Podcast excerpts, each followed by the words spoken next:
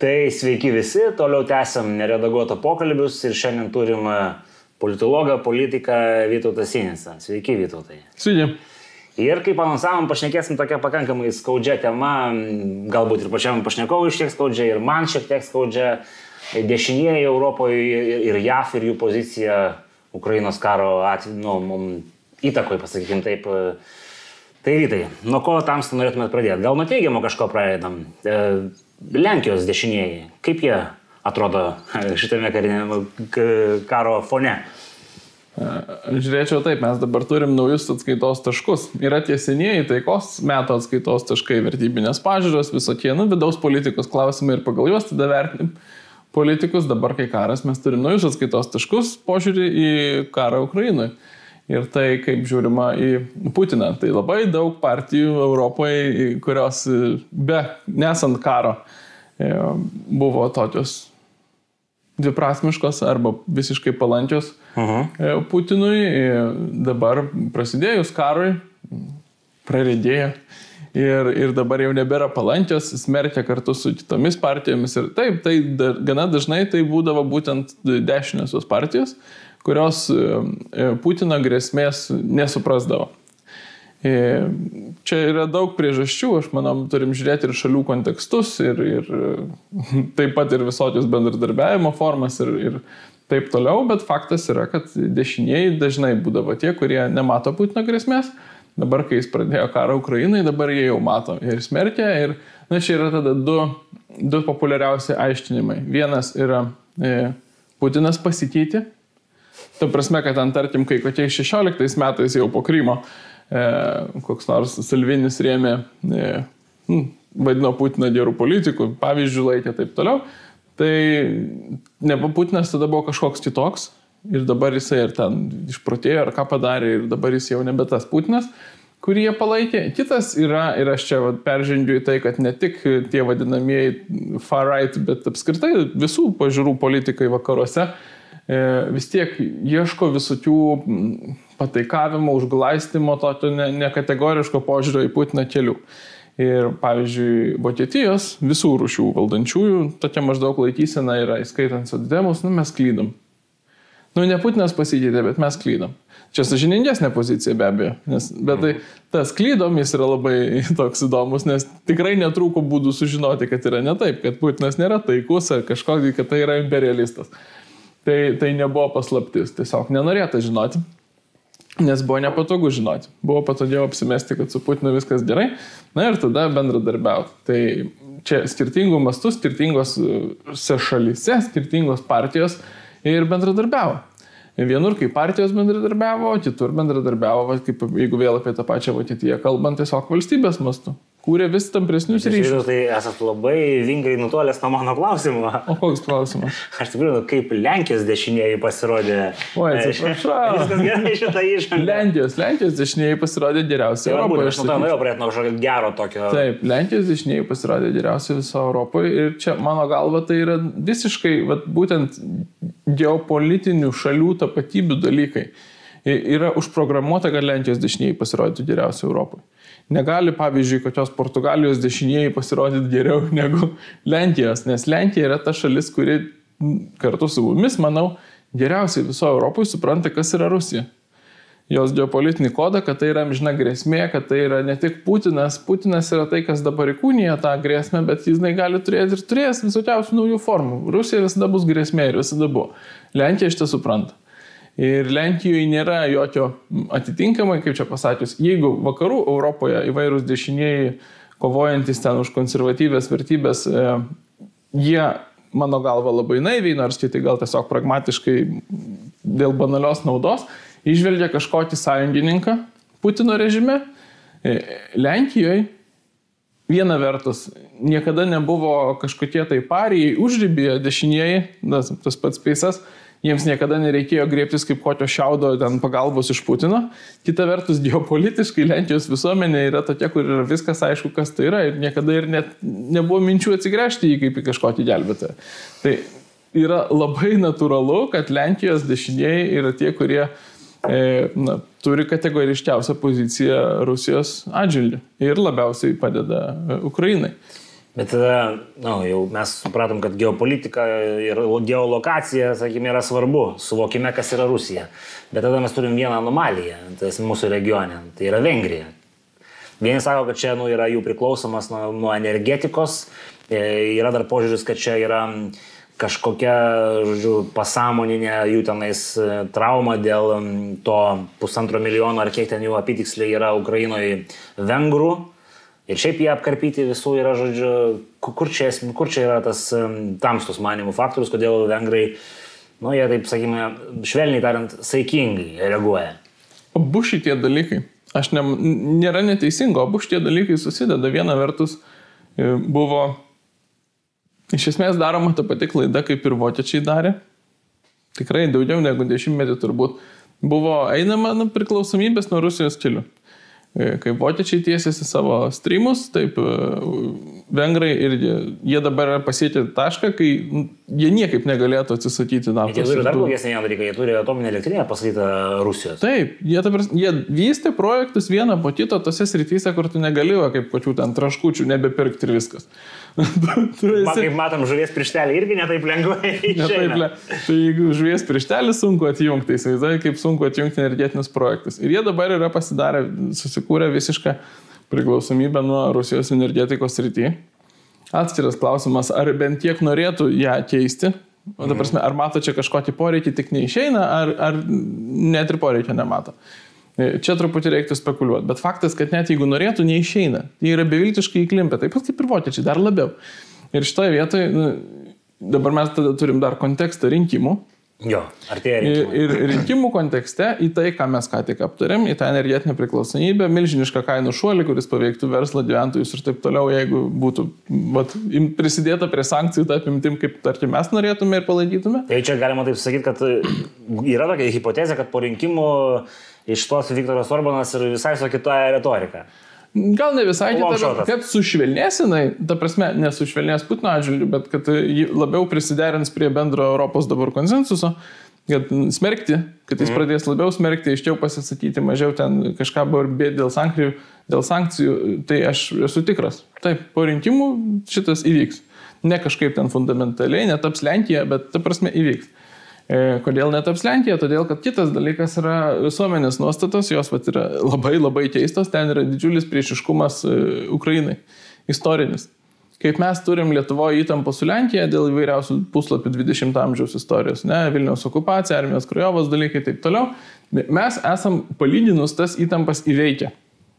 Jos kažkur yra, bet jos nevirsta politiniais sprendimais. Aš nebejoju, kad Lenkai mums linkia padėti į nelaimę ir mes Lenkams. Ir, ir, ir tai yra vis tiek, nu, jau broliškos tautos.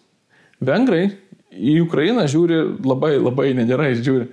Prasme, ar tikrai Ukraina yra tas, tas istorinis agresorius, kuris juos e, nuskriaudė labiausiai? Tas, jos, josgi apkarpė ne ukrainiečiai daugiausiai. Bet čia ne apie tai, kad nuskriaudė, čia apie tai, kad e, Vengrija, tiesą sakant, Lenkija, nu, čia gaunasi ilga grandinėlė, kurią reikia aptarti. Jo, e, Len, Lenkija kopijuoja, pastaruoju metu nebe, bet kai valdė piliečių platformą Lenkijos liberalai, tai visiškai kopijavo Vengrijos politiką dėl savo diasporų, dėl tautiečių kaiminėse šalise.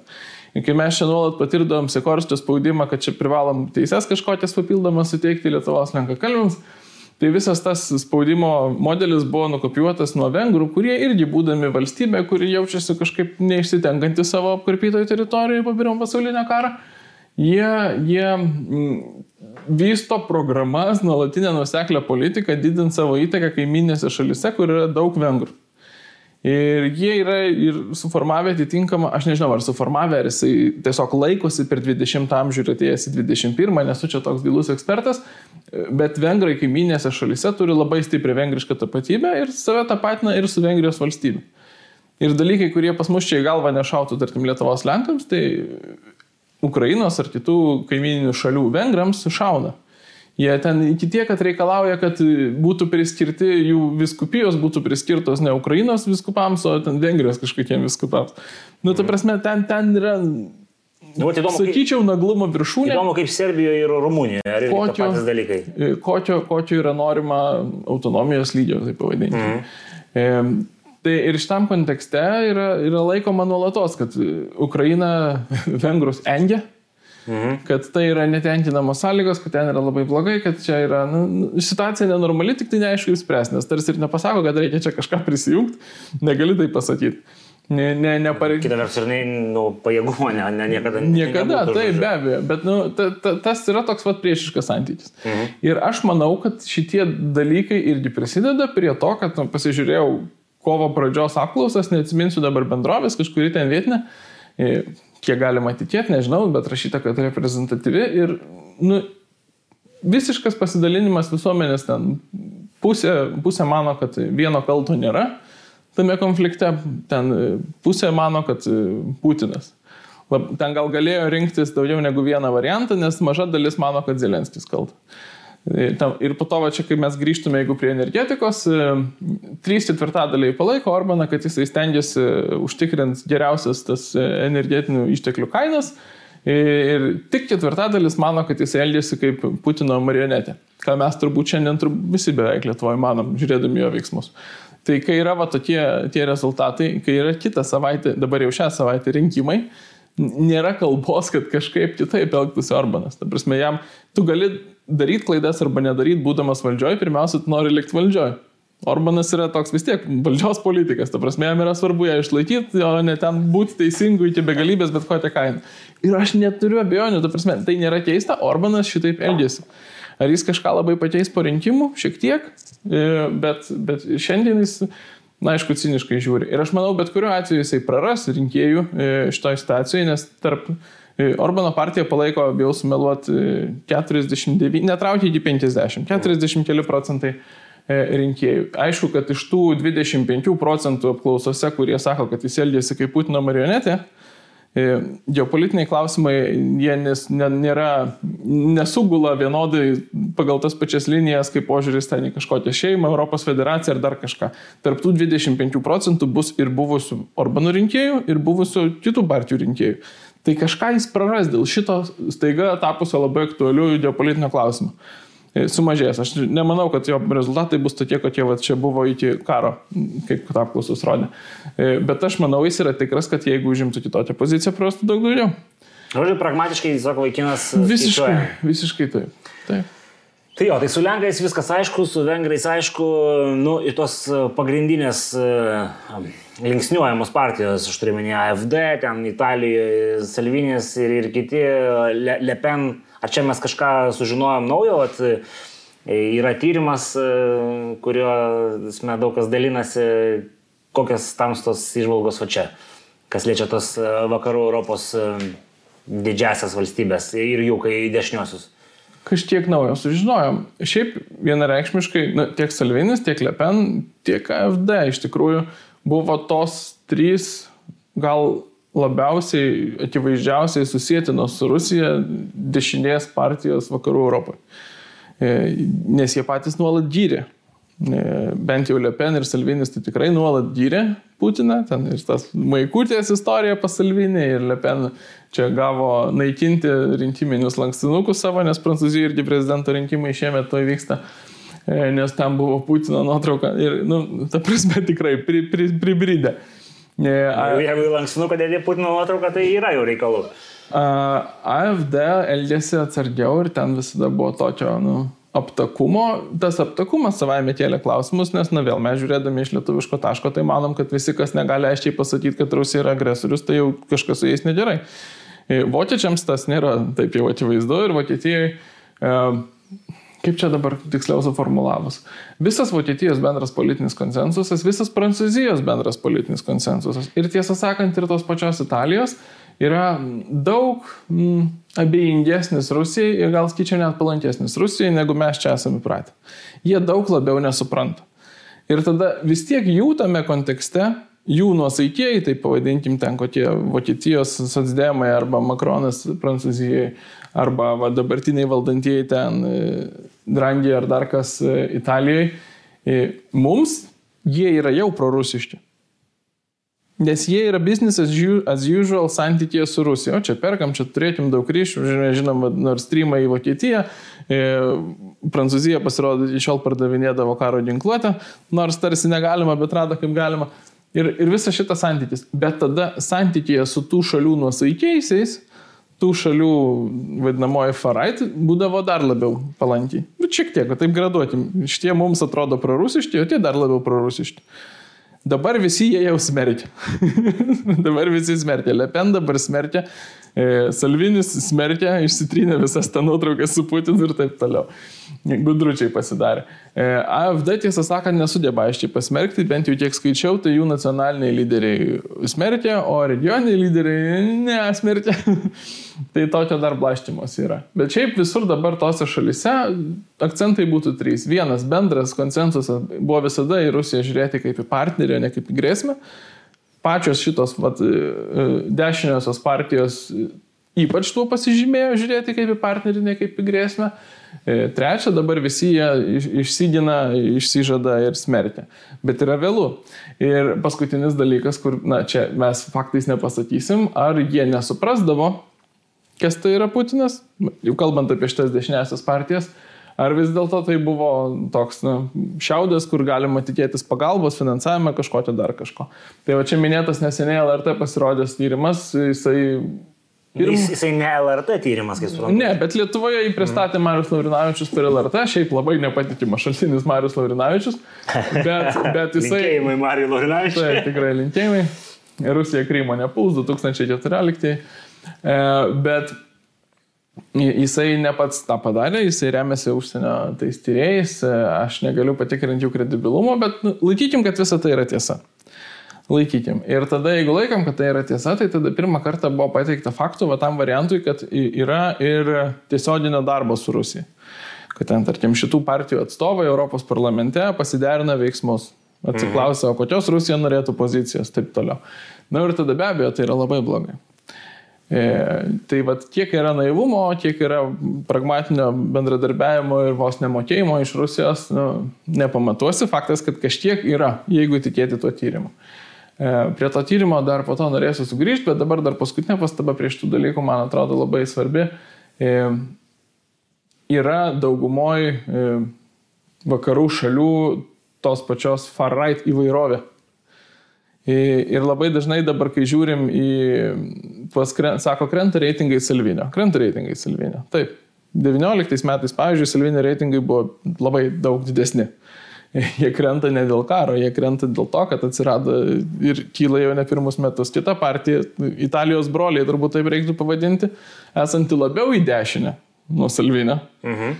Kartu jie ten dabar, abi partijos yra apie 20 procentų. Tie Italijos broliai peržengė 20 procentų, o, o, o Salvinis šiek tiek jam trūksta, ten dabar gal 16 būtų, tiksliai nepasakysiu. Žodžiu, apie 40 procentų kartu, faktiškai realiausi pretendentai, jeigu dabar reiktų rinkimai, tai būtų tokia vat, visiškos dešinės vyriausybė. Šitie Italijos broliai, būdami na, labiau radikalesni, šitas žodis visada kabutėse, nes kas yra radikalumas, e, jie visada smerkė Putiną. Jiems nereikėjo išversti kailio arba ten praregėti, arba pasakyti, kad klydom. Jie visada buvo prieš Putiną. Ir jie dabar čia irgi jiems nereikėjo ten kažkaip strikti ir eiti iš paskos, jie iš karto su tais pasmerkimais jie buvo vieni pirmųjų.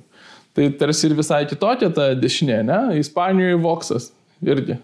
Čia visi leftistai sakys, kad čia radikalai, nes jie prieš masinę migraciją, prieš federalizaciją ir taip toliau. Jie nusikliai smerkia Putiną, jie toliau smerkia Putiną. Tai ta įvairovė, sakyčiau, labai didelė. Vokietijoje tokios nėra, tai suprantu. Vokietijoje tokios nėra. Vokietijoje, mano galva, apskritai paklausa toj dešiniai partijai yra daug mažesnė, nes jų, mes žinom kontekstą, ne? Jų tas nacionalumo baimė ir savęs cenzūra, tas toks E, nacionalinė kaltė, taip toliau, jie kažko dešinio atvirai labai bijo. AFD ten visada patirdavo, nu, tai prasme, eiliniai nariai patirdavo terorą, kad jie nacijai ten kaimynai duris jiems, jiems paaišydavo ir taip toliau. Nu, tikrai pogrindžio sąlygom, iki kiekvieno eilinio naro pogrindžio sąlygom turėjo veikti, e, kol, na, kaip čia normalizavosi, pateko į parlamentą ir taip toliau. Tai jie ten yra vieni ir ten, man sakyčiau, tiesiog dar nėra e, visuomenėje vietos, kad atsirastų daugiau. Bet be abejo, jeigu dabar mes matom e, vokiečių visuomenę, Ir čia dar vienas veiksnys. Vokiečių visuomenė ir kitose šalyse, aš sakyčiau, labai pragmatiškus politikus, visuomenės ir jų didžiulis palaikymas Ukrainai spaudžia elgtis na, labiau pro-ukrainietiškai. Daugiau remtis, siūsti ginklų, griežčiau su sankcijom elgtis taip toliau. Daugiau supelėjusių ginklų įdėti, žodžiu, į siuntinį. tai va, tai supelėjusių sūrių turėjo gal. ja, sūrių. Sūrių. Tai va, tai visur dabar yra tas jausmas, kad na, visuomenės spaudžia e, lyderius elgtis teisingai iš to įstacijoje, teisingai, kaip mes matom iš Lietuvos perspektyvos ir kaip, na, aš manau, objektyviai yra tiesa. Tas pats yra JAV, tas pats yra Vokietijoje, tas pats yra Prancūzijoje.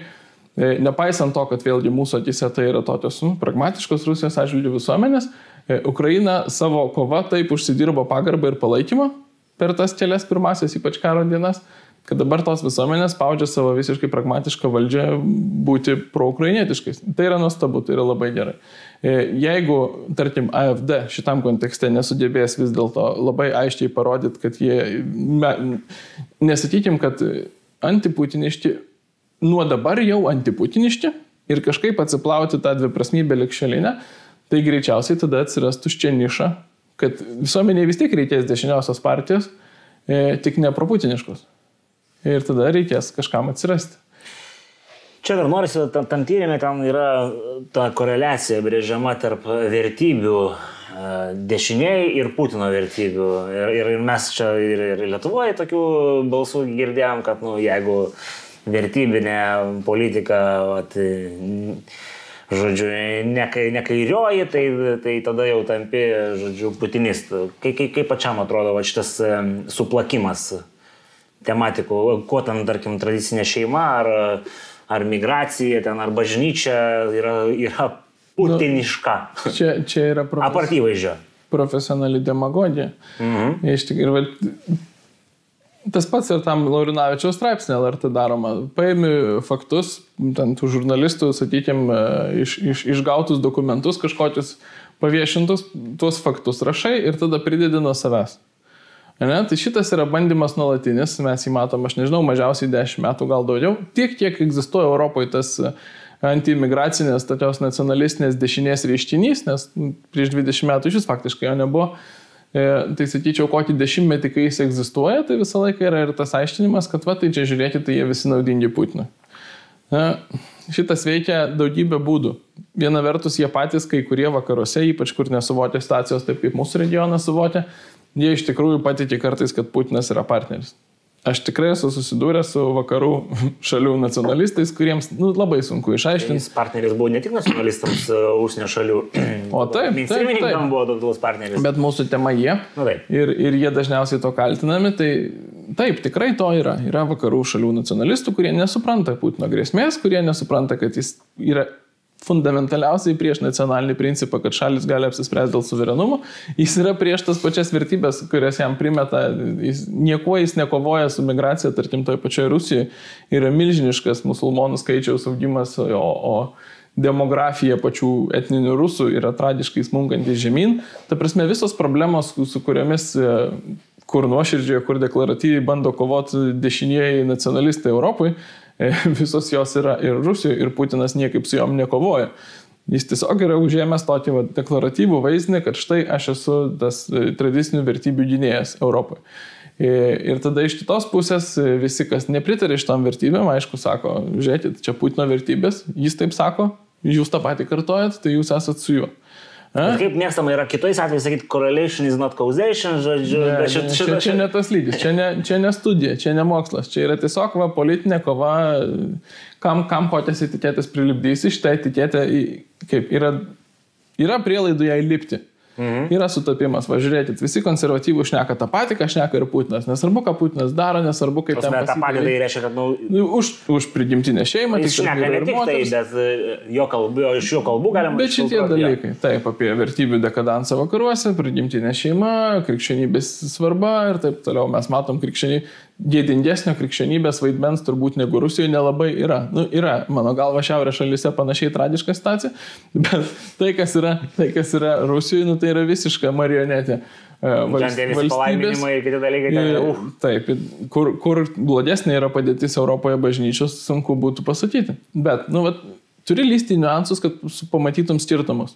Žiūrint iš toli, tokiu vat, lengvai užmetamu žvilgsniu, viskas atrodo logiškai. Jisai už prigimtinę šeimą, už nacionalinės valstybės, nors jas okupuoja, už stiprią bažnyčią ir taip toliau. Ir, nu, tai va, žiūrėkit, šitie visi dešinieji Europoje irgi už tą patį. Nu, vadinasi, čia tas pats. E, taip yra apgazinamos visuomenės ir visi, na, ne kategoriškai šitų pažiūrų, o kažkokių kitokių pažiūrų arba neapsisprendę žmonės. Ir tada trečias efektas, mano galva, bent jau tokiose šalise kaip Lietuva, mūsų regione veikiantis, tai yra tai, kad tokiam kalbom tu nukreipinėjai žmonės pas Putiną. E, dabar po karo be abejo šitas efektas išnyks, nes nu, per daug aišku, kas tas Putinas. Ne? Iki šiol kažkam, jeigu dar nebuvo aišku, Tai jeigu tu kartoji nuolat žmonėm, kad aha, jeigu jūs konservatyvus, tai jūs kaip Putinas. Jūs ne kaip Europą, jūs kaip Putinas. Tai anksčiau ir vėliau tas žmogus turi arba atsisakyti savo tapatybės ir pažiūrų, kad būtų kaip Europa, arba jis tada, nu, galų galę turės patikėti, kai jam Makaraitytė sako, kad jisai kaip Putinas ir pradėjo daryti tą Putiną. Man labai, Karas nuo šito išgelbė. Man labai įdomu, kaip, e, kaip at, mūsų medijos e, ukrainietiškas vertybės pieš e, po kariniai Ukrainai kaip e, padaryti iš ukrainiečių tos, e, žodžiu, į kairę palinkusius e, vertybiškai. Ar tai yra mm. įmanoma, nes, nu, mes girdim dabar ir, ir matom, ir ten nebalti ir pukuoti 70 ar 85 lyčių, žodžiu, išėję yra į frontą, o tiesiog dviejų lyčių atstovai. Na, koks žodis dažniausiai skamba tuose video iš karo, jeigu... Ja, nu, mes jau, visi, visi gali pasižiūrėti. Visi gali pasižiūrėti. Iš tikrųjų, mano galva, nėra beveik jokio būdo pavaizduoti Ukrainą kaip e, liberalių vakarietiškų vertybių, kaip jos dabar suprantamos šalį, kuri dėl... O, o šitas nuskamba. A, a, abstrakčiai kalbant, tai šitas nuolat jau nuskamba, kad Ukraina kovoja už europietiškas vertybės, už liberales vertybės, už žmogaus teisės prieš ten imperiją ir dar kažką. Nu, 1.0 e, gal ir galima pritarti ir liberales, ir... 1.0. 1.0 versija, žodžiu. Ta prasme, kad tokios kokios jos ten buvo žmogaus teisės deklaracijų 20 amžiaus viduryje. Taip, taip, taip, taip. Už žmogiškumą bendriausia prasme turbūt taip galima sakyti, kad kovoja. Bet šiaip, kaip mes žinom, kas tai yra, koks turinys dabar suteikiamas tom frazėm, europinės vertybės, LGBT ir taip toliau, Ukraina nevelnio už tai nekovoja. Tai yra vienas iš veiksnių, kurie stabdė judėjimą link ES Ukrainai. Mes žinom, jau po Maidano, ne, kai žmonės buvo pasiruošę kovoti ir mirti, kad galėtų rašytis asociacijos sutartį su ES, buvo etapas, neprisiminsiu, kuriais tiksliai metais, kai ES pareikalavo, kad ten dėl tolesnių žingsnių būtų galima prekybos atsiverti kažkokius tai patogesnės sąlygas, buvo pareikalauta įstatymų įtvirtinti nediskriminaciją seksualinių mažumų darbo vietoj.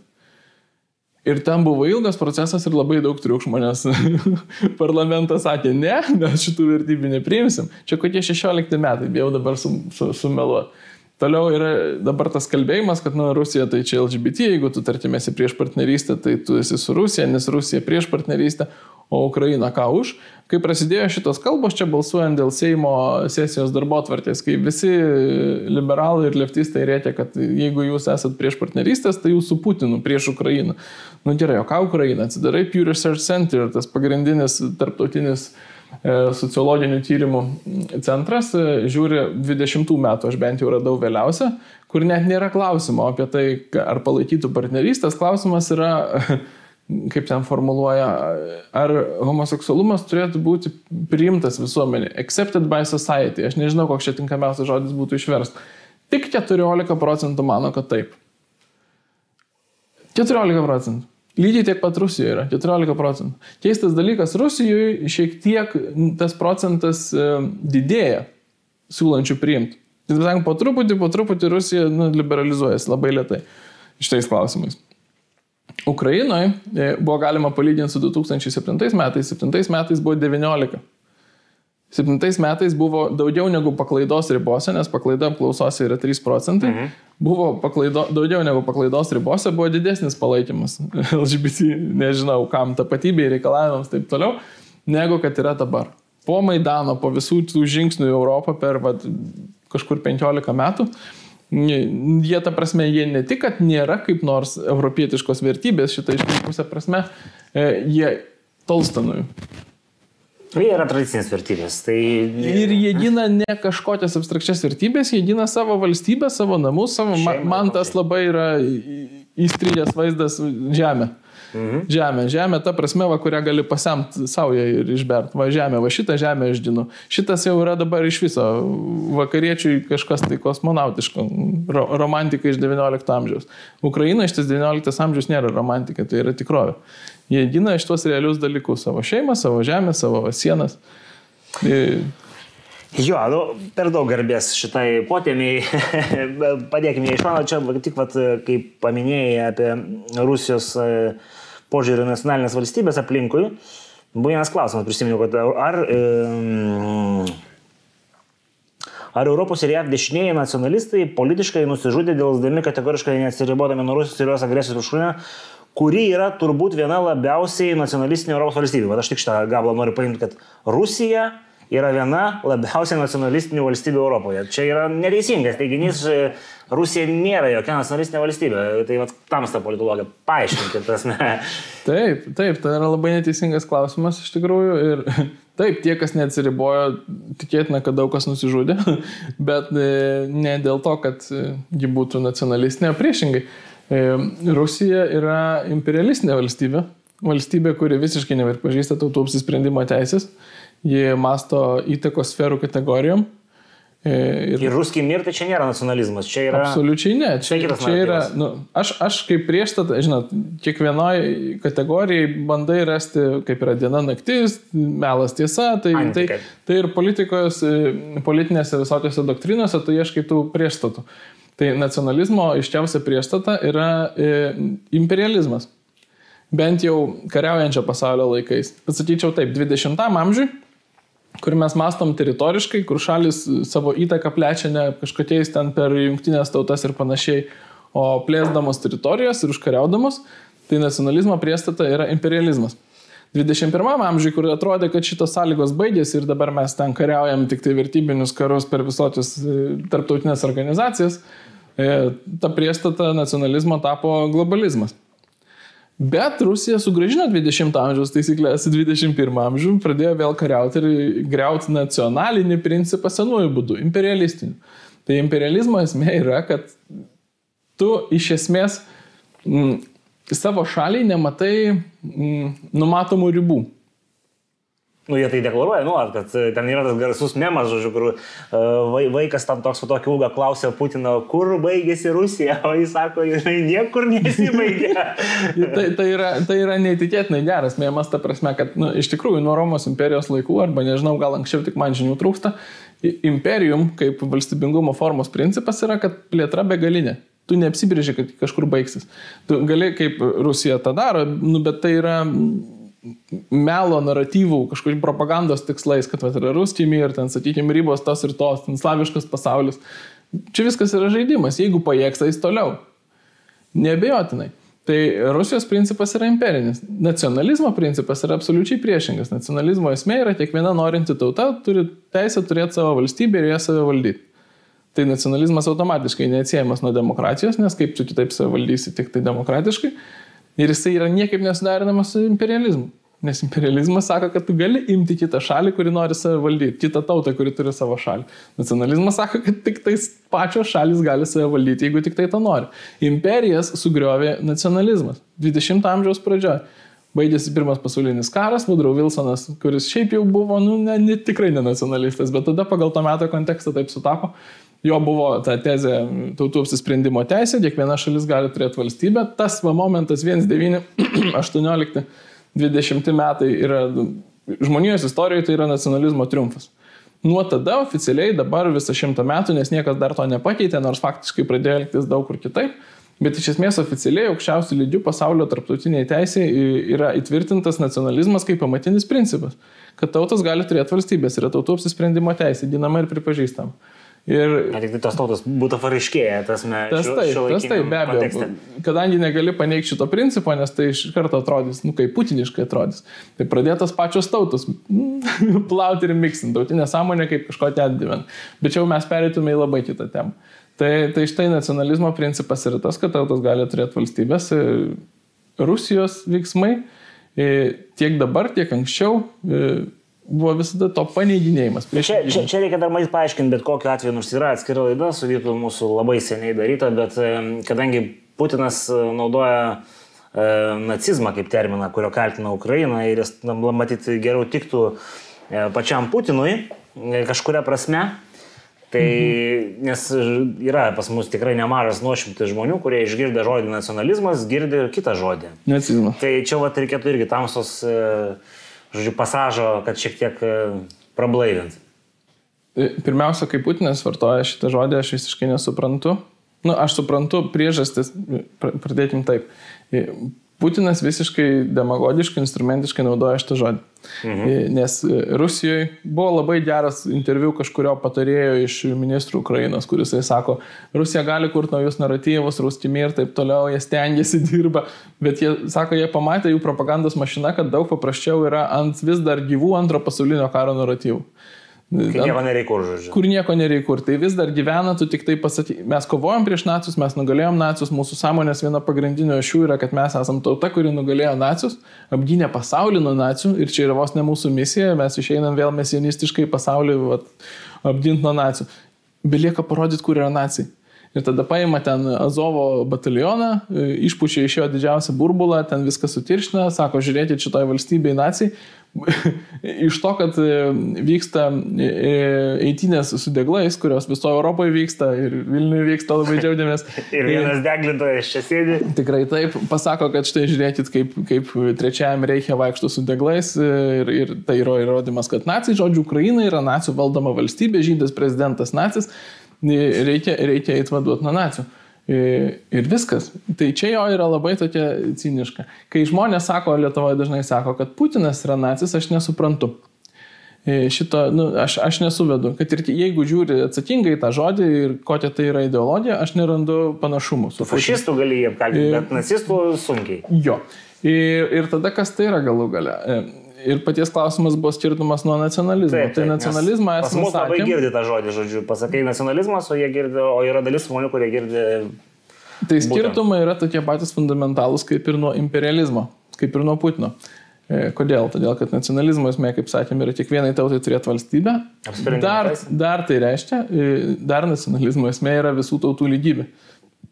Iš šito prieš tai pasakyto punkto automatiškai plaukia, nes jeigu kiekviena tauta gali apsispręsti, Vadinasi, visiškai nesvarbu, kiek jinai ten pažengusi kultūriškai ar dar kažkaip. Nacionalizmui beje rūpi kultūra, jam nerūpi ten koks nors rasinis grinumas, fizinės savybės, žinai, ten tarkim stipriausia ar, ar kažkokia sveikiausia tauta, nacionalizmui nerūpi.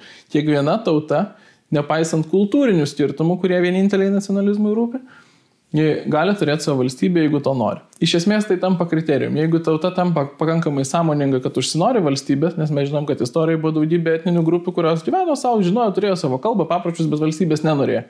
Jeigu tu užsimanai valstybės, tai savaime reiškia, kad tu pribrendėsi iki tos stadijos. Tai yra daug, dauguma neužsinori valstybės.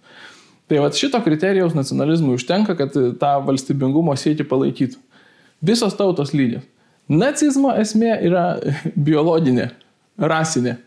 Visos tautos yra skirtingos, egzistuoja hierarchija, apačioje yra žydai ir čigonai, kurie yra neverti gyventi, yra visokie ten slavai, kurie gal ir verti gyventi kaip tokie subhumans, kažkokie tai išnaudojami vergai faktiškai moderniai, yra šiauriečiai, yra galiausiai arijai. Arijai yra aukščiausias žmonių rūšis, juos dar reikia pagrininti, dėl ko buvo žudomi psichiniai ligoniai, fiziniai ligoniai ir taip toliau šitoj logikoj visiškai pateisinamas tampa imperializmas, kitų tautų užkariavimas, nes tautos neturi teisės vienodai visos į savo valstybės, nes jos yra nelygiai vertės, jų skirtumai, kurie yra kažkaip iš prigimties ir tik nacijų partija žino tą gamtos istorinį planą, e, kas yra kas, kas aukščiau, kas žemiau. Tai pagal tą planą galima ir reikia elgtis, reikia sutvarkyti pasaulį pagal jį ir nacionaliniai apsisprendimai nieko nereiškia. Aš nežinau, kaip aiškiau papasakot, kad tai yra vienas tam absoliučiai prieštaraujantis principas. Labai aiškiai. Tai uždarom šitą potėmį, bet čia reikėjo prasiplėsti, nes e, yra, žodžiu, problematikos pas mus e, gurštelktos arbatos. E, klausimas kitas bus apie tai, kas jau nėra Europa, apie Junktinę karalystę. Kaip ten, nes e, žinome, kad yra kelios e, politinės jėgos, labai smulkios e, dabartiniam kontekste, kurios irgi buvo visai ką piešiamos kaip nu, tos kraštutinės dešinės partijos. Čia kalba eina apie Brexito ir ten visų tų kitų iteracijų partiją, žodžiu, ir jos lyderius. Yeah. Ar, ar Ukrainos karo metu mes kažkokį pastebėjom Junktiniai karalystiai kraštutinių dešiniųjų nu, kažkokį Smerkimą, nesmerkimą, pasmerkimą. Aš nežinau, ne, ne, nepasiekiau, kiek buvo smerkimo kažkokio, bet aš mačiau vieną mane nuliūdinusi e, Faražo pareiškimą, mhm. nes vos tik karas prasidėjo, Faražas pasakė, neatsiminsiu tikslių žodžių, bet kad na, NATO išprovokavo. NATO išprovokavo Rusiją, mes stumėm nuo, nuo, nuo pat šalto karo pabaigos, kai subirėjo Sovietų sąjunga, mes stumėm, stumėm, stumėm su ta plėtra į rytus, uždarėm juos į kampą ir jie nebeturėjo kur dėtis, tai va taip ir atsitiko. Tai yra paties Putino naratyvas. Ir jeigu neklystu, jis tą ir Facebook'e rašė, ir po to komentavo žiniasklaidoje, tai nebuvo vien, vienkartinis lepsusas, tai buvo jo pozicija, kurią jis, kur klausė jo ten, jis, jis sakė. Na, tai yra labai blogai. Aš nežinau, kiek kiek tai sulaukia jam kažkokių pasiekmių, kas, kas jam bus. Dėl to, nu, jis dabar, man atrodo, nieko aktyviai tam nevadovauja niekam. Tai gal šneka, nu, taip, kaip... bet vis tiek, įsivaizduokime, jeigu kai, kai, kai koks nors kubilius šneka, tai vis tiek Tevinė sąjunga liečia, aš manau.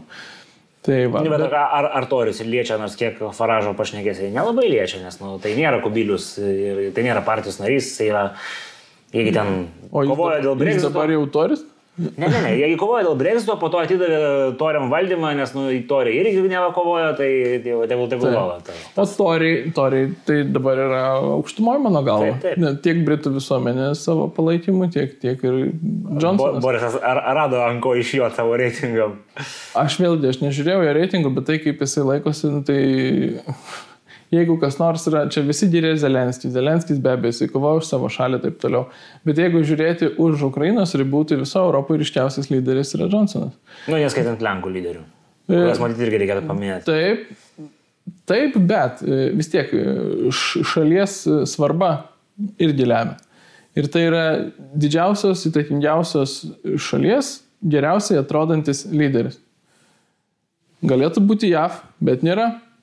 Deja, jis man tikrai gerai netrodo, o Johnsonas atrodo labai gerai. Tai o Lenkija, na, tiesiog yra truputį mažesnėje lygoje, sakykime, įtakos prasme irgi taip pat atrodo labai gerai. taip, labai čia dabar tiks klausimas irgi, kokio lygio katastrofos reikia, kad dešinė grįžtų į dešinę. O gal net ir į valdžią. čia, matyt, Europos kontekste klausimą tai galime išplėsti. Mm, mm, labai geras klausimas. E, Bėda ta turbūt, improvizuoju dabar, nesu, nesu apmastęs šitą, bet e, bėda ta, kad e, klausimai, dėl kurių iš esmės susibūrė tie tikri, ne, netapę faktiškai liberalais, o tikri dešinieji, tos partijos, kurias mes aptarinėjom, e, tai yra klausimai kokie - federalizacijos, migracijos, kultūriniai karai, tai yra kintantis požiūriai į šeimą, lyti, gyvybę, taip toliau. Ir nei vienas iš šitų klausimų nėra kad jis vyktų kažkaip šoko, staigių pokyčių būdu. Tai yra beproto lietai vykstantis procesai. E, lietai vykstantis procesai sukuria ir visuomeniai tą verdančios varlės efektą. Žmonės lietai pratinasi. Jeigu tu paimsi kokį 90-ųjų visuomenę, bet kurioje ES šaly, ypač į vakarus nuo geležinės uždangos, e, tu niekur nerasi palaikymo tam, kam dabar ten jau yra palaikymas. Visuomenės lietai, lietai išvirė kaip varlės. Ir niekur nebuvo to momento, kada tu galėjai sakyti ir būti suprastas, kad žiūrėkit, krizė, mes tuoj nebebūsim e, Anglija, mes tuoj nebebūsim Prancūzija.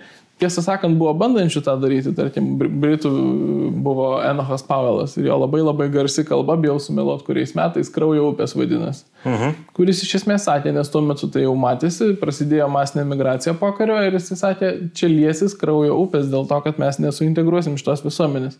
Žmonės, kurie čia dabar masiškai gyvena, jie yra svetimi, jie nesijaučia Britais. Ir, ir mums niekada nepavyks jų padaryti visų Britais ir įtampos tik auks.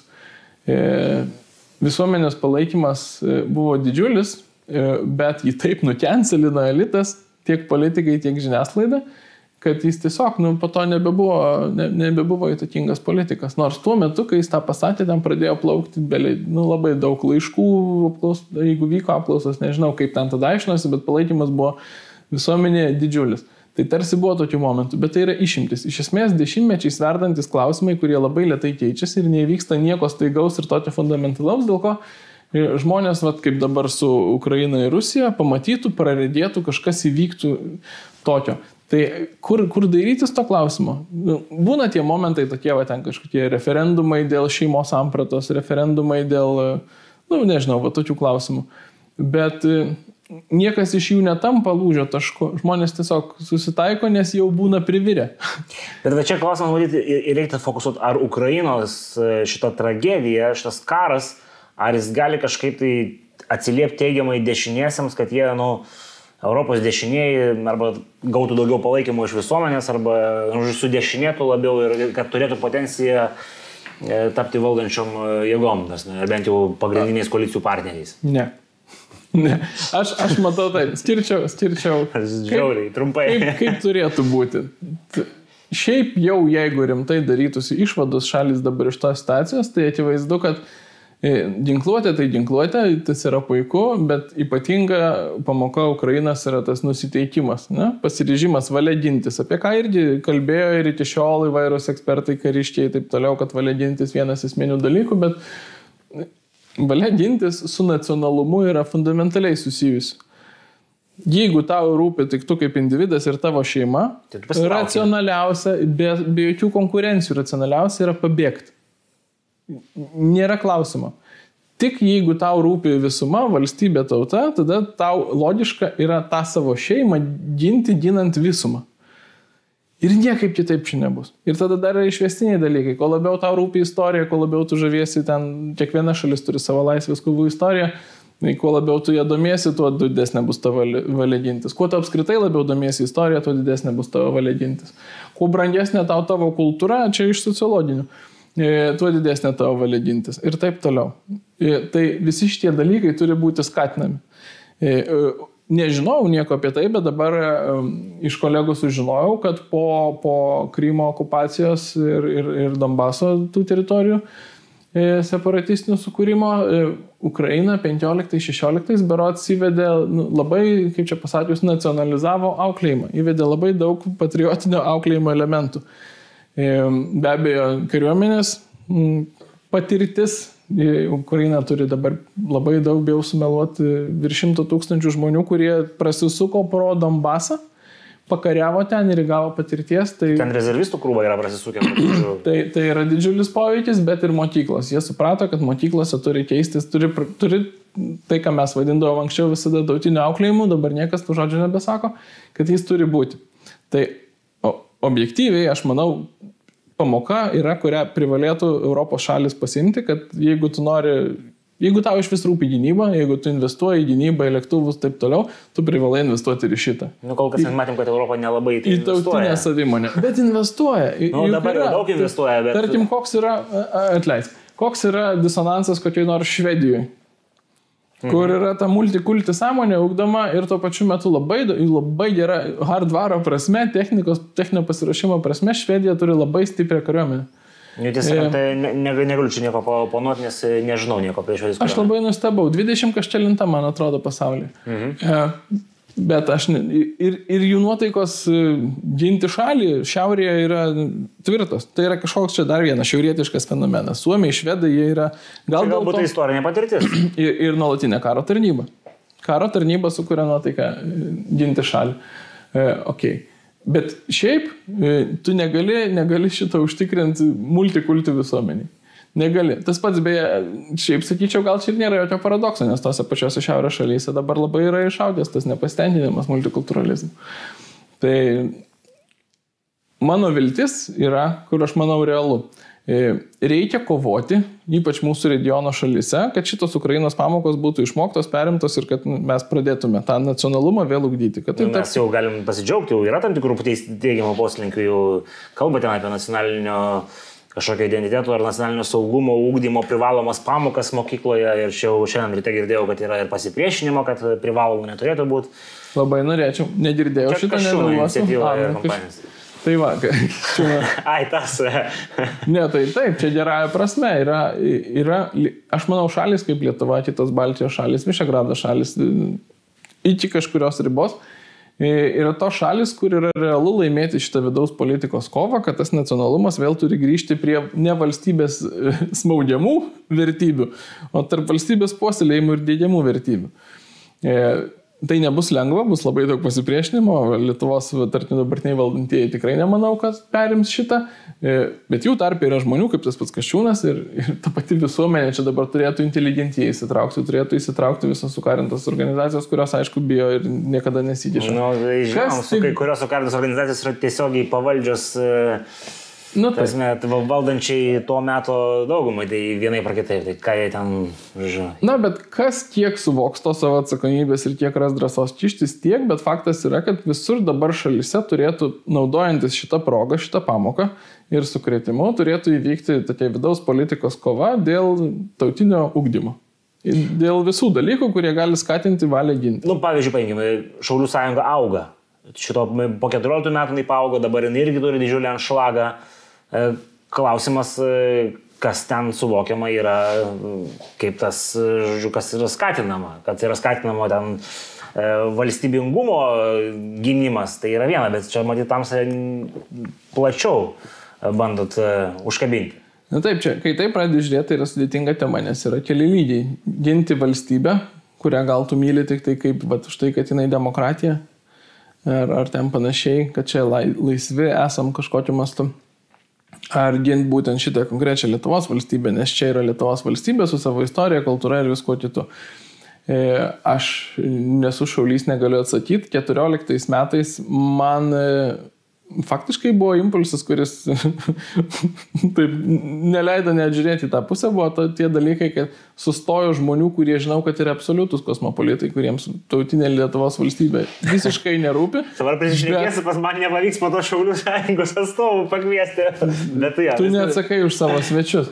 Aš čia dar netočiu nesąmonę galiu prišnekėti. Taip, vis, bet, viskas tam tai leidžiama. bet, bet, žodžiu, masiškai stojo tada Aš manau, dėl pakazuhos. Vat šitas žodis, aš nežinau jam prilikstančio lietuviško, kai nu, reikia. Tai dabar įstoja. Ir da, dabar yra nauja banga vėl, vėl kosmopolitai stoja į, į Šaulių sąjungą, tada irgi stoja. Šaulių sąjungos laikysena buvo, kad jie nematė jokios problemos su tuo. Aš nežinau, ar tie žmonės turi kažkokį tai prisiekti kažką apie pažiūras, nemanau. E, jie neleido Juliui Pankai įstoti į šaulius dėl to, kad jis per daug nacionalistas? Dėl to, kad jis ten kažkokią atseit neapykantą skleidė ar ką. Aš daugiau žmonių pažįstu, kurie nebuvo. nepateko dėl taip. šito. Taip, taip, taip. Nu, ne, tiesiog... ne tai, kad gal dėl šito, bet dėl to, kad jie nu, ten reiškėsi, dėl to, kad jie mm, galbūt ten turėjo kažkokį huliganizmo atvejį, kuris su tuo buvo susijęs ir, ir po to jau tu tampi. Neapykantos nusikaltimai. Tai bet aš nenoriu pasakyti, kad e, teisingi šauliai turėtų būti Azovo batalionas. Ne. E, bet teisingi šauliai jokių būdų neturėtų būti vertybiškai neutralus, abejingi, čia dar geras atvejis, abejingi e, nacionaliniam klausimui, ar juo labiau besibaidantis ir besigėdėjantis nacionalinio klausimo. Tai nu, aš tikrai pažįstu vieną šaulį, nes jis dabar žiūri ir turiu pasakyti, kuris nu, atitinka visas tas kategorijas gerasis, kurias tamsiai išvardai. Bet vat, klausimas, kaip tai atrodo bendram e, kontekste. Aš, klausimas. aš be jokių faktų nes nežinau, bet nebejoju, kad e, absoliuti dauguma, jeigu paimtum visumą šaulių, absoliuti dauguma yra patriotiški žmonės, kuriems rūpi tautinė Lietuvos valstybė.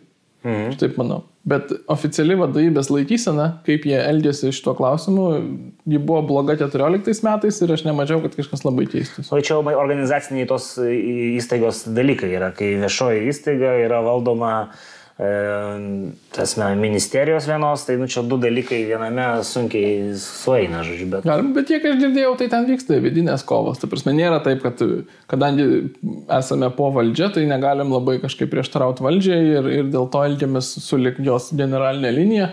Ne, yra, yra viduje daug įtakos tos vat, kosmopolitinės. Taip, taip, kuriam lygmenyje, aš ne, nežinau, bet nu, čia įdomi tema ir ta organizacija, yra vienintelė Lietuvoje, mes būtinai padarysim dar apie ją pasišnekėjimo. E, tarp kitko, čia buvo dar klausimas, kuris mums tiktų į šitą temą. E, Vytauto nuomonė, kaip turėtų atrodyti kraštutinė dešinė, nenusaikys kliausteliuose, kad būtų patraukli daugumai patriotiškai ir racionaliai mąstančių piliečių. Kraštutinė dešinė ir dauguma, nesme, yra vadinama. Čia, čia primesti žodžiai, jo, ja. kraštutinė dabar yra viskas, kas nėra liberalu. Ne, nu, čia, kaip suprantu, e, klausėjas galbūt ir už kraštutinę, nenusaikę, kaip sako, bet... Taip, taip. bet patraukli daugumą ir kraštutinė, nu, čia kas tas kraštutinumas tada reikia aiškintis. Man atrodo, kad e, kompetencija. Ta prasme, jį turi atrodyti kompetitingai, neturi atrodyti marginaliai, neturi jaustis marginaliai. Yra labai daug tokios sąmonės, sakyčiau, e, tarp, tarp žmonių, kurių pažiūros dabar yra tapusios įprasta vadinti kraštutiniam arba radikaliom. Yra daug žmonių, kurie persėmė šituo ir jie, tarkim, nenori į televiziją, nes tai jau bus ėjimas su kažkokia sistema. Jie nenori būti rodomi, jie nenori būti pripažinti ir, tarkim, nežinau, priimti prie stalo su tom partijom, kuriuom tu visiškai nepritari. Jie nenori su jom nediskutuoti, nes tai kažkaip išteps ar kažką padarys. Tai toks yra persijėmęs, toks marginalizavimas mhm. pats savęs ir tada yra kompetencijos klausimas. Ar, ar tu gali, ar tu esi kompetitingas, ar tu gali parodyti tą, kad tu esi kompetitingas. Nes žmonėm, e, aš nemanau, kad žmonės Žmonėms svarbiau, kad tu mokėtum parodyti.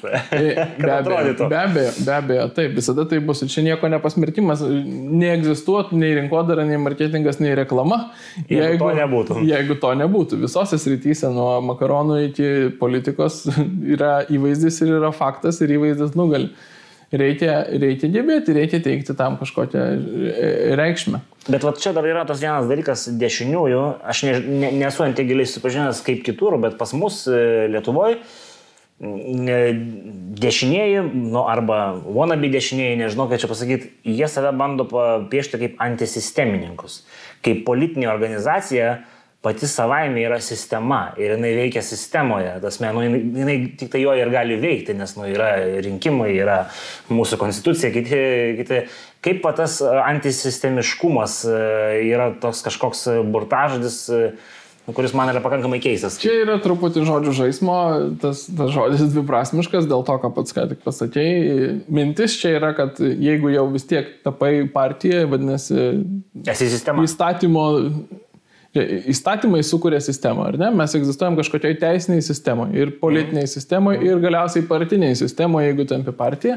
Šituo požiūriu tu esi sistemoje. Antisisteminis esi ta prasme, kad bandai veikti kitais būdais, negu kad veikia tos partijos, kurios parlamentinės pavadinkim, mhm. ir turi tikslą tas žaidimo taisyklės, vadinasi, sistemą keisti, jeigu gausi galę keisti kiekvienas pristato savo programuose, tai kiek ten ką keistų. Aš žinau, yra partijų, kurios, nežinau ar partijų, judėjimų bent jau, kurie ten norėtų konstituciją perrašyti skersai išilgai, norėtų Jozaitį, žinau, sukurti dviejų rūmų parlamentus. Ja, ja. Kažkas ten paksas nori tiesioginės demokratijos ir, ir, ir daugybės dalykų, kurie aš ne, politikų atšaukimo, nu, dalykai, kurie mano supratimu, negali veikti ir tie pažadai tiesiog rodo ne, ne, neišmanimą, neraštingumą. Tai yra dar ir tokių, kurie iš vis boikotuot nori politinės sistemos, tasme.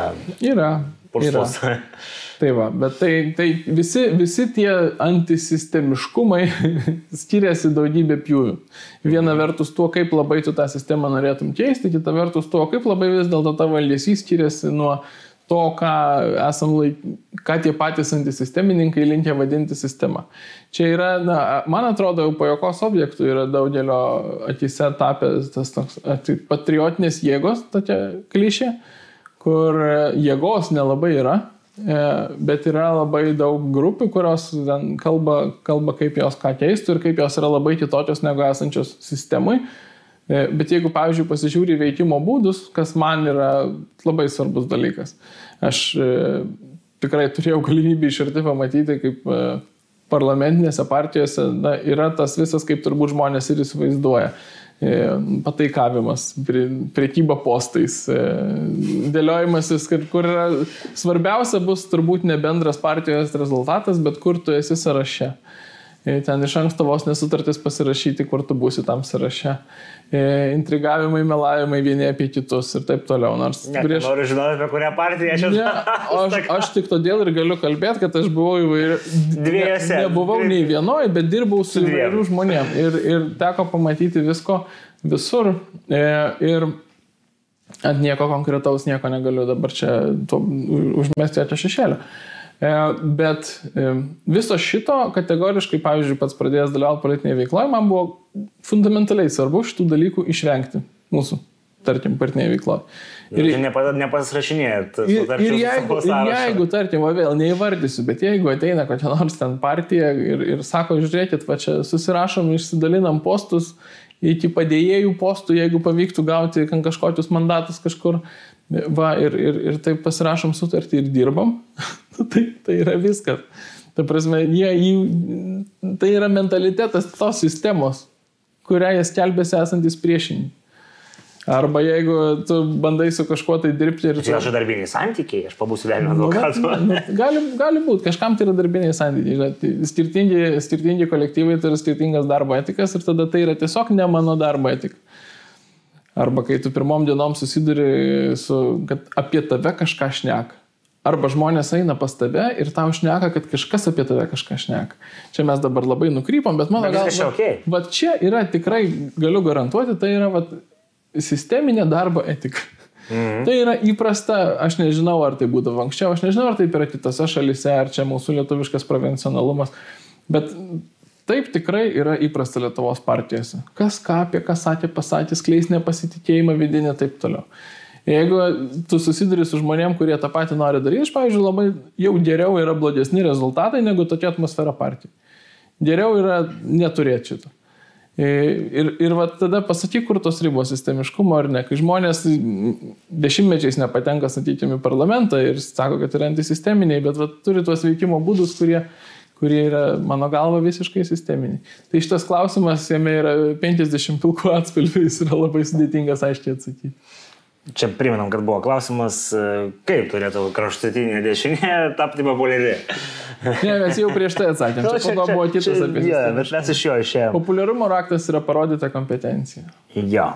Tai tada pabaigai paimkim e, klausimą, kuris paim, palies tai, ko nepalėtėm. Kodėl JAV dešiniųjų retorika gan dažnai atitinka Putino propagandą, na ir aplamai JAV dešinieji. Kodėl yra sunku pasakyti. Aš atskirčiau taip. JAV e, dešinieji politikai faktiškai visi, man atrodo, aš nežinau pavyzdžio kitokio, užima teisingą poziciją už Ukrainą, smerkia Putiną. Ir... Ne, ne, aš vieną žinau. E, tas vaikinas e, in the wheelchair iš Respublikonų partijos e, apkaltino Zelenskį kažko, tai žodžiu, dabar jis nepacituosiu tau, žinai apie ką kalbu. Ten toks, kurį naudoja rinkimų kampanijos metu, kuris atsistoja iš ir ten himnui gėdant, nu, pasak... Neatsimenu pavardės, bet ko gero žinau, apie ką kalbė. Ja, bet, nu, gerai, tada tokiu atveju... Kongresmenas, jeigu aš neklystu. Prasme. Nu, tada sudėme, bet iš esmės vis tiek politiniu lygiu atrodo, kad ten yra, apskritai dėl to, kad ten yra griežta partinė drausmė svarbiais klausimais, E, JAV, jeigu reikia balsuoti, visi ateina balsuoja, būna skandalas, jeigu kažkas balsuoja ne pagal partijos liniją, vienas kitas tą padaro. Iš esmės ten yra vieningas mąstymas ir na, JAV respublikonai nedaro kažkokios tai gėdos mano galva, jie labai aiškiai dar ir spaudžia Bideną griežčiau elgtis. Ten Tedo Krūzo sėkiau įvairius pasisakymus, nu, tikrai tai, ką ir norisi girdėti šito klausimu. E, JAV visuomeniai irgi yra didžiulis palaikymas tam tikrose e, grupėse, mano galva labai marginaliuose, e, tų baltųjų supremasistų grupėse yra požiūris, žinau, bet man atrodo čia toks smėlio dėžės lygio problemos. Mm, jie e, žiūri per rasinį klausimą į visą tai ir jiems atrodo kažkoks super kvailas, beprasmiškas ginčas tarp dviejų baltųjų. Baltieji rusai puola baltuosius ukrainiečius, tai yra nu, Jie durniai gal, ką jie čia daro, nu, koks beprasmiškas karas, apie ką čia turėtų susivienyti ir prieš e, white replacement kovot prieš juododžius. Tai, nu, su tokiu požiūriu ten, nu, nu kažkokie tokie keisti. Marginalai visiškai. O, bet apie juos kalba. Bet nes, nors, daugiau, nes daugiau nėra apie ką kalbėti. Gali būti, va taip, bet, bet čia didžioji, politikai. didžioji žiniasklaida, čia jau ne, čia jau ne politikai. Ne, aš žinau, bet, bet, grupės. jo, bet čia nu, kažkokios politinės grupės, kurios turi, bet pradėjai nuo to, kad JAF dešinieji, nu, jeigu mes respublikonus laikom dešiniaisiais, jie, tas, ne, nedaro gėdos. Nedaro gėdos. Bet, o e, apžvalgininkai daro. apžvalgininkai daro. Ir yra be abejo. Kas su apžvalgininkais nutiko? A, ne... Ir aš nežinau atsakymo. Ir čia aišku garsiausias yra Takeris Carlsonas, kuris ir šiaip yra garsiausias. Aš dabar girdėjau, kad televizijose e, jo yra patys didžiausi reitingai, jis yra nu, žiūrimiausios laidos vedėjas. Takerio Carlsono šou. Taip, žinomiausios televizijos, žinomiausios laidos vedėjas. Taip, nu, tai tas miliūtė. Taderis Karlsonas. Nu, ne, dabar man atrodo, kad čia Ne, tikiuosi. Tapinas kad ne. arba m, greičiausiai m, Jekilaitis, vienas iš šitų. Jo, tai va, tai, tai Karlsonas, e, jisai, aš jau nežinau, ko jis nepasakė siaubingo ir neteisingo apie Ukrainą. Jisai išnekėjo iš pradžių dar iki karo apie tai, kad e, ten pažeista Rusijos įtako zona ir kaip Rusija jaučiasi dėl Ukrainos taip pat kaip JAF jaustųsi, jeigu Meksikoje rusai savo bazę statytųsi ir tai, ką mes nesipiktintume. Po to jisai apie tą biologiką, sukarintą biologinę laboratoriją kalbėjo, kad čia biologinius ginklus gamina JAF e, Ukrainoje. Vėl ką, ką.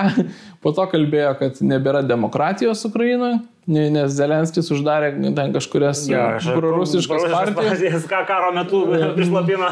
Neįtikėtinas demokratijos pažeidimas. Ma- Mane labiausiai šokiravo, kaip tai iš vis svarbu. O vat jeigu tai būtų ne demokratija, jeigu tai būtų, vat, nežinau, Baltarusija, tai būtų, tai būtų ok tada, kad okupuoja. Arba ten kokį Kazakstaną būtų ok, kad okupuoja. Nu, aišku, kad jo, dėl geolokacijos, dėl kultūrinio nuotolio mes nebūtume tokie jautrus, jeigu Rusija okupuotų Kazakstaną, tai žiūrėtume turbūt kaip į Siriją, nu kažkas ten vyksta. Ukraina be abejo yra daug arčiau visapusiškai mentaliai ir, ir dėl to reakcija yra kita. Bet, bet iš principo tai yra toks klaikus pritempinėjimas kažkokių pateisinimų, kodėl galbūt šitas karas yra teisingas. Jis yra absoliučiai neteisingas ir ta Karlsono pozicija yra siaubinga. E, Buvo daugiau tokių, aš kai kurių pavardžių neatsimenu, nes aš jų nesėkiau. Candice Owens man įstrigo, nes... Nu, Ken Saulis, ją- net Walsh ten tie iš, iš. Daily Wire, žodžiu. Taip, ir, ir čia, o, pats Benas Šapiro, kurio yra Daily Wire, jis nieko tokio nepasakė. Jinai nėra jo, jinai yra kito bičio, bet jis yra žinomiausias jų veidas. Ten- Taip, taip, taip. Tai, tai įvairovė ten yra ir, ir liūdna. Aš vakar e, kalbėjausi su JAF lietuviu Povilu Žumbačiu, mhm. jo proto įdomiu žmogum. E, Jo paaiškinimas buvo toks, man, man naujas, sako, Tateris Karlsonas yra e, libertaras, absoliutus, kaip suprantu, tokia arbatėlės partija. Sako, jo analogas parlamente būtų nebent Randas Polas. E, Ir, ir jo požiūris, kaip kad valstybė turi į nieką nesikišti, būti minimaliai tik tai mhm. nacionalinį saugumą apsaugoti ir civilinį Bet saugumą. Ben Šapiro irgi yra libertaras, jau jeigu oponuojant šitai. Taip, taip, taip, taip, čia. E, Skiriasi nuo saklumo kiekvieni savo pažiūrose. Ir sako, jis pagal tas pačias pažiūras yra tarptautiniuose santykiuose izolacionistas. Niekur nesikištim, ten ne mūsų problemos. Mhm. E, iš dalies paaiškina, iš dalies nepaaiškina. Nes vis tiek, vis tiek jis komentuodamas kišasi. Ir vis tiek ta pozicija, tu gali sakyti, kad ten vyksta e, neteisybė ir JAF neturi kištis. Iš tos ideologinės pozicijos tai būtų logiška, ne? Tu, tu pasakyk tiesą, kad ten vyksta neteisybė, kad imperialistinė šalis okupuoja neagresyvę kitą šalį ir pasakyk, kad aš manau, kad JAF neturi kištis. Bet kodėl, bet to, bet kodėl, nesako, kodėl jis tas kad- paformuotė būtent tokia? Aš dar vieno veikėjo ieškau pasižiūrėti, kad e, kol, kol tu pasakoji, kad mes jį aptartume, pamiršau pavardę. Tai kodėl vat, jis taip formuluoja, žodžiu, vat, būtent taip, o ne taip, kad vat, galėtų pasakyti, nu, yra blogai, bet nu, mes nesikišim, nes čia ne mūsų reikalas. Tai aš nežinau, aš neįsivaizduoju. Ir čia lieka atviras klausimas. Ar, ar kažkokia dalis iš jų irgi yra kažkaip papirkti, paveikti, suklaidinti? Aš manau, kad yra paprastiems žmonėms, kurių gyvenimas nėra informacijos atranka, analizė ir pateikimas. Mhm. Labai įmanoma gyvenant kažkur toli Šiaurės Amerikoje būti suklaidintiems e, propagandos, e, būti nusiteikus prieš žiniasklaidą, jie netikėti ir tada manyti priešingai negu žiniasklaida sako, kad koks nors ten trakeris Kanadoje gali taip manyti, aš visiškai suprantu. Mhm. E, Kaip koks nors takeris gali taip manyti, aš, nes, aš nesuprantu. Nes tai yra, tai yra per daug neįtikinama, tai yra per daug, e, per daug informuotas, per daug įpratęs dirbti su informacija žmogus, kad darytų tokias klaidas. Ir tada mm, lieku be atsakymo. Bet be abejo, šita, šitas nusivylimas apžvalgininkais kai kuriais e, vis dėlto gerai, Bet- kad jis lieka tik tam lydinį, neperskeliai politinį lygį. Bet čia klausimas, ar šitas, šitie, vat, nu, tarkim, paminėti apžvalgininkai, kai kurie, ar jie, tasme, čia kaip vat, minėjo, minėjo jūsų kalbintas pašnekovas, dėl to, kad jis yra libertaras, ar čia, nesgi Mas medija bando nupiešti, kad čia yra Putino tiesioginė įtaka ši- ši- šitai žiniasklaidai, Amerikos nišiniai dešiniai. Tai ar, ar čia realu, ar čia daug yra tiesiog, tiesiog naudingi idiotai, taip, sakykim, taip, šią, šią tematiką? Iš šitų dviejų pasirinkimų aš labiau manyčiau, kad naudingi. Todėl, kad e, Europoje, tarkim, aš labai įsivaizduoju, atsiduriant būtinybėje, gauti kažkokį palaikymą, vat, kad, kad visokios grupės, tarkim, vakarų Europos šalise neranda, neranda platformos, ant kurios iškilti ir tada nustai, nu, galvoja pasinaudosime Rusijos pinigais, tarkim. Aš tą įsivaizduoju kaip įmanoma scenarių teoriškai.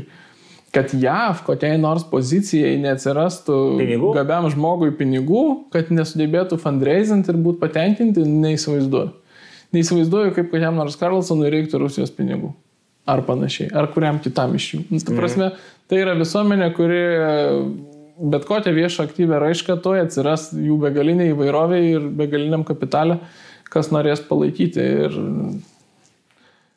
faktiškai nėra poreikio kažkokiai Okay, nupirkimui. Tai, tai pačiai pabaigai dar Trumpo kortą, žodžiu, nes vis tiek jis buvo čia ištrauktas, jo interviu ir ištrauktas vienas sakinys. Kaip pačiam atrodo, kaip politologui Trumpo laikysena, nes jis jau yra paskelbęs, kad jisai election campaigną pradėjęs ir visą kitą, kaip jo laikysena Ukrainos klausimų. Nes jis yra pasakęs e, pakankamai aiškiai, kad ten, jeigu jisai būtų, tai agresorius nebūtų peržengęs sienos, bet apie tai mes negirdim. Girdim kitus dalykus, kad jisai pasakė, kad Putinas yra ten protingas politikas ar, ar kažkaip panašiai, žodžiu. Ten. E, Tas interviu pačiam pirmom karo dienom buvo turbūt apie kurį kalbėjai ir kuris nuskambėjo ir Lietuvos žiniasklaidai. Ir tai buvo taip, taip propagandiškai padaryta. Trumpas jisai turi bėdą. mm, Bėda. Mums atrodo, kad bėda. Aš nežinau, jam pačiam tai turbūt netrodo, kad jisai nori e, bet kurioje situacijoje kalbėti apie savo politinius oponentus. Jo klausia apie Putiną, jis mato progą kast Bidenui. Nu ir demokratam. Ir, jam tai ir jis- gerai rinkiminė kova. Ir jis tada kalba apie Bideną. Ir kalbėdamas apie Bideną, jis aišku tada formuluoja gerai apie Putiną, nes Putinas apžaidžia Bideną. Tai yra tiesa, Putinas apžaidžia Bideną. Nuolat. E, tada kokių frazių jis eigoje pasako, tu turi tada platų pasirinkimą, ką čia išsirinkti ir išryškinti. Ir taip ir buvo be abejo. Jisai pasakė, kad genialus buvo Putino įimas, mhm. kaip, kaip jis pradėjo tą karą, kaip ten jis pripažino tų respublikų suverenumą ir taip toliau. Ir, ir kaip akcentas, kuris nebuvo akcentuotas bent Lietuvoje ir man atrodo ir niekur nebuvo akcentuotas, nes žiniasklaida visur buvo prieš Trumpą, aišku. Tai, kad Trumpas pasakė galiausiai tame pačiame trumpame labai interviu, kad e, aš niekada nebūčiau leidęs tam nutikti. E, Tai yra, tai yra siaubinga, aš nebūčiau leidęs tam Jis nutikti. kažkokiuose follow-up e, interviuose sakė netgi, kad Putinas jo kadencijos metu vis bandė tas boundaries su juo dėl, dėl Ukrainos ir ten, žodžiu, Ir gavo ir jis visiems sakydavo, kad, nu, ramiai. Taip, taip, taip, taip, sakė šitą jo. Ir ką reiškia, čia, čia jau jeigu kaip kokiam mokyklos rašinėlį turi analizuoti tekstą, tai jeigu jis pasako, kad jis nebūtų leidęs šitam atsitikti, tai vadinasi, jis mano, kad tai neturėtų atsitikti, ne? Tai yra blogai, tai yra kažkas, ką reikia stabdyti. Jisai dar pasako vėliau, kad jis tą ir stabdė ir sėkmingai stabdė, mes žinom, kad turbūt stebuklingas sutapimas, prie Obamos įvyksta e, Donbasas, Krymas, prie Trumpo nieko neįvyksta ir staiga vėl va įvyksta. Nu kodėl? Todėl, kad Putinas mato, kad jie silpni yra tiek Obama, tiek Bidenas. Gal kažkokiose srityse stiprus, nežinau, man būtų sunku tas sritis įvardinti. Amerikiečiai mane, kad bus e, COVID suvaldyme stiprus Bidenas. E, Jį rinko didelę dalim dėl to. Nu, dėl to, kad ten visokie Trumpo minusai, jis daugam nebuvo priimtinas iš vis. E, Bet jeigu žiūrėti, kodėl rinko Bideną, kokie buvo jo pliusai, tai žmonės mane, kad jisai blogai valdys ekonomiką, jis gal nėra toks geras užsienio politikoje, bet vat jisai suvaldys COVID. Buvo to, to, tokios šitos. Nu, nu, tai ka- kažkokių pliusų jis turi, bet dvišalių santykių ir apskritai užsienio politikos. Tai iš Rusijos perspektyvos tai yra silpnas žmogus, kuris bijos, kurį gali visą laiką intimidating, spausti ir jis pasiduos. Ką jis jau buvo įrodęs Putinui 14 metais, būdamas valstybės sekretorium prie Obamos. Nes valstybė, nu, faktiškai lietuvių kalbą verčiant, tai valstybės sekretorius užsienio reikalų ministras. Bidenas buvo užsienio reikalų ministras prie Obamos, kada įvyko Krymas ir Donbasas. Putinas žinojo, kad jisai visada atsitraukinės, atsitraukinės, atsitraukinės. Ir, tai, ir dabar jis tą ir gauna. Ir tai įdrasino Putiną. Ir tai yra svarbiausia žinia, kurią Trumpas, aš garantuoju, jis ir toliau sakys, kiek jis kalbės apie šitą karą, Trumpas nuolat kartos, kad kaltas yra Bidenas. Ir jis bus teisus. Ir jis eigoje pasakys frazių, kurios atrodys skandalingai ir atrodys kaip Putino palaikymas. Bet nuo to tai netampa netiesa. Nes, ta prasme, je- jeigu, jeigu yra agresorius, kurį tu žinai, kad jis yra amoralus, jis yra agresorius, jam nerūpi žmonių gyvybės, taip toliau, tu nesitikė iš jo nieko žmogiško, tu tada žiūri, o kas gali jį sustabdyti. Bidenas buvo tas, kuris turėjo jį sustabdyti. Pagal tai, kad jis vadovauja JAF vieninteliai galiai, kuri gali jį sustabdyti. Bidenas visą laiką elgėsi taip, kad nesustabdytų. Tai, nu, kas kaltas? Taip. Nu, pabaigim pozityviai. Jis gražiai pakalbėjo Varšuvoje, bet po to jo, jo aplinka kai kurias frazes švelninti pradėjo grįžus į, į JAV. Tai... Nieko keisto, jis labai gražiai pašnekėjo, tos frazės buvo visos off-script, kaip suprantu, tokios ne, ne, neplanuotos. Ir tos fra... geriausia, vat, pavyzdžiui, ar norim pakeisti režimą Rusijoje? Aišku, kad nori. Na nu, gerai, yra teorijų, kad gal nenori, kad gal čia viskas sutarta, Pagal dalybos. Kaip Bačiulis sako, e, saugumo architektūroje JAV Rusijos pradingimas jiem būtų vėl visko perdėlimas iš naujo. Dėl to jie ten kažkaip galbūt nenorėtų, kad įvyktų visiškas kolapsas. Taip, aš manau, vėl nežinau, kaip mato JAV, aš mat, JAV vietoje aš matyčiau, kad geriausia būtų kažkoks valdomas perėjimas į kitą pastatomą žmogų, kuris būtų ramesnis. Čia dabar jau išsikirpo visi. nu ką, nu, taip. Ir, ir gal, gal turėtų bandyti tą padaryti. Griūties, kurios mes, pavyzdžiui, gal visai norėtume, kad decentralizuotųsi iš viso balkanizacija vyktų Rusijos. JAV aš manau tikrai nenori. E, jeigu Bidenas nori, kad Putinas kaip asmuo liktų valdžioje, tai tada jau čia yra susijęs su kažkokiais korupciniais dalykais. Aš nematau iš, iš geopolitinio intereso, aš nematau, kad toks noras išplauktų. Nes Putinas prieėjęs tą hitlerizacijos stadiją, kur jau nevaldomas ir, ir, ir peržengia visas ribas, kelia pavojų stabilumui, net jeigu stabilumas savaime būtų vienintelis tikslas. Tai mm, iš to požiūriu netrodo, kad Bidenas galėtų kažką tai čia e, būti baisus Putinui. Bet ką aš norėjau pasakyti, jo tos frazės apie tai, kad norim pakeisti režimą, mhm. e, tu nesakai, kad nori pakeisti režimą. Jeigu tu nori pakeisti režimą, tikėkime, kad gal nori, tai tu nesakai, tu dirbi prie to. Dirbi per žvalgybas, dirbi per, nu, kuo, kuo gali to dirbi, bet to nesakai. Jeigu tu tą pasakai, tai tai yra šioks toks mažas kozeris tai pačiai Rusijai, eskaluoti toliau, ką jinai ten gali ar negali daryti. Tada iškyla ta dilema, kur, a tai gal čia reikia atsitraukti, e, Kaip suprantu, JAV e, vėlgi e, užsienio politikos visas departamentas Blinkenas taip toliau pasirinko atsitraukti, buvo pasakyta, kad čia nenorėtų, nu ten taip jau privėlė niekingai, kad čia nenorėtų pasakyti, kad pakeisim režimą Rusijoje, čia tik norėtų pasakyti, kad jis susiprastų nevadovauti kitur už Rusijos sienų, kažkas tokio. Ir kai įvyksta šitas, kai Bidenas pasako tą pirmą frazę, kad norim pakeisti režimą ir tada, kai jo administracija atsitraukia ir pasako, kad nenorim pakeisti režimo, tu jau atsiduri blogesnėje situacijoje, negu buvai status quo prieš tai, kai buvo nieko nepasakyta. Daug geriau, kai yra nieko nepasakyta, negu kai tu pasakai, jums režimo tikrai nekeis. Ir va totis Bideno lepsus įkūrė tą situaciją. Čia pakankamai sudėtinga paaiškinti. Geriausia yra patylėti, jeigu tu negalėsi atstovėti už tų žodžius. Nu, pakeisim režimą. Nu, tai ten, ten iš tikrųjų galbūt žmogus nu, turi tam tikrų dalykų, žodžiu, kur negali patylėti, tai nu, ką padarysi. Yra kaip yra su tuo JAV prezidentu esančiu, bet kokiu atveju jisai yra tam tikra viltis e, šito konflikto vis dar. Sprendimo, turiu šito konflikto. Nuoširdžiai nežinau. Aš vakar, vakar rašiau ir, ir nemelavau, nuoširdžiai taip galvoju, aš tik bijau, e, kad nepradėtų JAV šantažuoti Ukrainos pasirašyti tokius vėl Aleminsko susitarimus, kurie būtų nepalankus, bet greičiau nutrauktų karą ir gražintų taiką. E, spausdami tuo, kad tai klausykit, mes tiekiam ginklus, partneriai NATO tiekia ginklus. Pasirašykit kažką arba nebebus tų ginklų. Aš manau, kad toks scenarius yra įmanomas ir aš labai to bijau. E, Tikėkime, kad jūs labai klystat. ir aš tikiuosi, kad aš labai klystu. Gerai, Vytai. Tiekit, tiekit, mėlyjeji NATO šalių vadovai, tiekite ginklus Ukrainai, tiekit daugiau, tiekit įvairių. Bandykit ribas e, Rusijos, nusiųskit pagaliau tuos mygus ukrainiečiai laimės už mus tą karą ir tai skamba baisiai, bet tai yra daug geriau negu tai, kas skamba kartais iš Bideno lūpų. Dar vietoj pasisakyti, tai dėkui, dėkui tams, tai kad e, užsukot, dėkui visiems, kurie žiūrit e, ir ką, iki greito. Sudėjom.